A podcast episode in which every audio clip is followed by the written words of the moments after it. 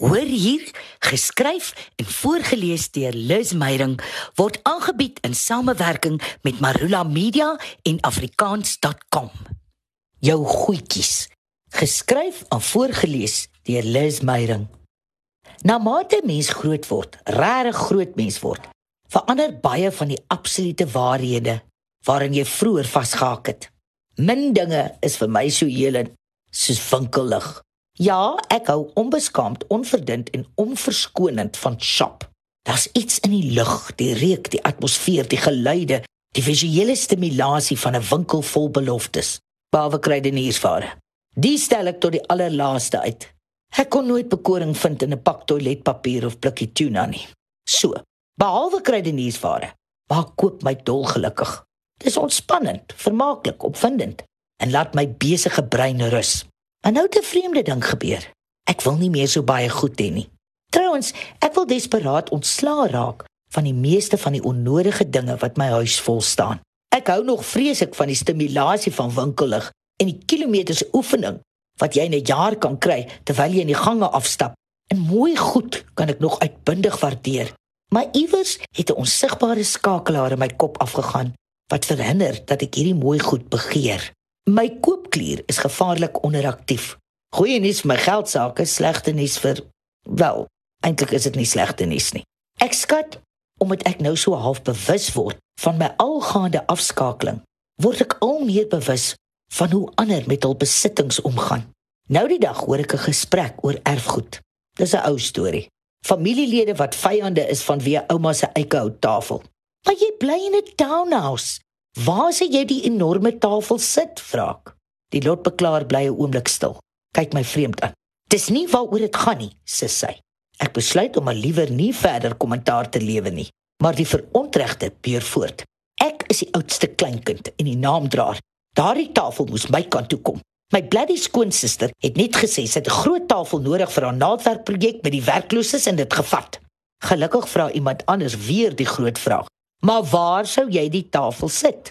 Die slagoffer is die keer reg met 'n antwoord. In my garage, tot ek 'n ander plan kan maak. Die gesprek is tipies van almal se soms sinnelose hepsig. Ons wil goedjies hê, net omdat ons dit wil hê, omdat dit ons toekom, omdat ons daarvan hou. Solank al voor gewag het, gespaar het, beklei het, daaroor gedroom het of bloot omdat ons dit nog altyd gehad het. En al is dit nou die pad en nutteloos, klou ons al stadig daaraan vas. Alhou ek my so anti-hepsig heilig, is ek maar net so weerloos as die welis verweelde my tref. Gaan mens van my lengte reis met soveel bagasie nie. Daai tas is groter as jy, hoor ek gereeld. Maar ek moet my goedjies by my heesetjie huis verlaat. Dis meer as voortrekker gene wat seker iewers deur my are bruis. 'n Verantwoordelike vrou moet voorbereid wees. Gestel die weer draai of dit word koud of dit begin reën of ek moet skielik na 'n vreeslike formele geselligheid gaan of 'n bloeming berg uitklim of Of sê nou ek voel pleinweg nie lus om die helfte van die klere wat ek ingepak het te dra nie. Ek pak nie in volgens die wat is nodig formule nie. Ek pak vir wat as. Ja, ek weet daar is byna oral op aarde winkels waar jy noodsaaklikhede kan opspoor. Maar koop mos nie meer so maklik nie. En so loop die saga van my in my besinning oor besittings die volsirkel. Ek begin so stelselmatig skoonmaak en uitgooi, weggee. Net nie my goeie aandklere, my skoene, boeke of skilderye nie ook nie my versameling oudtydse hoede wat ek by my ouma geërf het nie. Of die eetservies wat nie juis my smaak is nie maar dis waardevol goeie oudtydse porselein. Dis 'n skuldgevoel besitting. Miskien sal ek dit eendag gebruik. Ek wil nie die een wees wat my lewe moet oppak as ek die dag nie meer daar's nie. Dankie tog gaan nie by wees nie. Dink net hoe ek bloosend sal moet verduidelik hoekom ek 30 bottels naalpolitoer in my laai het. Of hoekom ek nooit al daai verjaarsdagkaartjies weggegooi het nie Ek ken 'n paar enkelinge wat niks van sentimentele waarde bære nie. Ek bewonder hulle. En eendag gaan ek net soos hulle wees. Hoeveel keer kyk ek regtig na daai boks vol verjaardagkaartjies? My vriend Neil het 'n gulde reël. As hy iets vir 6 maande nie gebruik het nie, nie daarna gekyk het nie, ook nie daaraan gedink het nie, gooi hy dit uit. Ek het ook 'n gulde reël. Los my.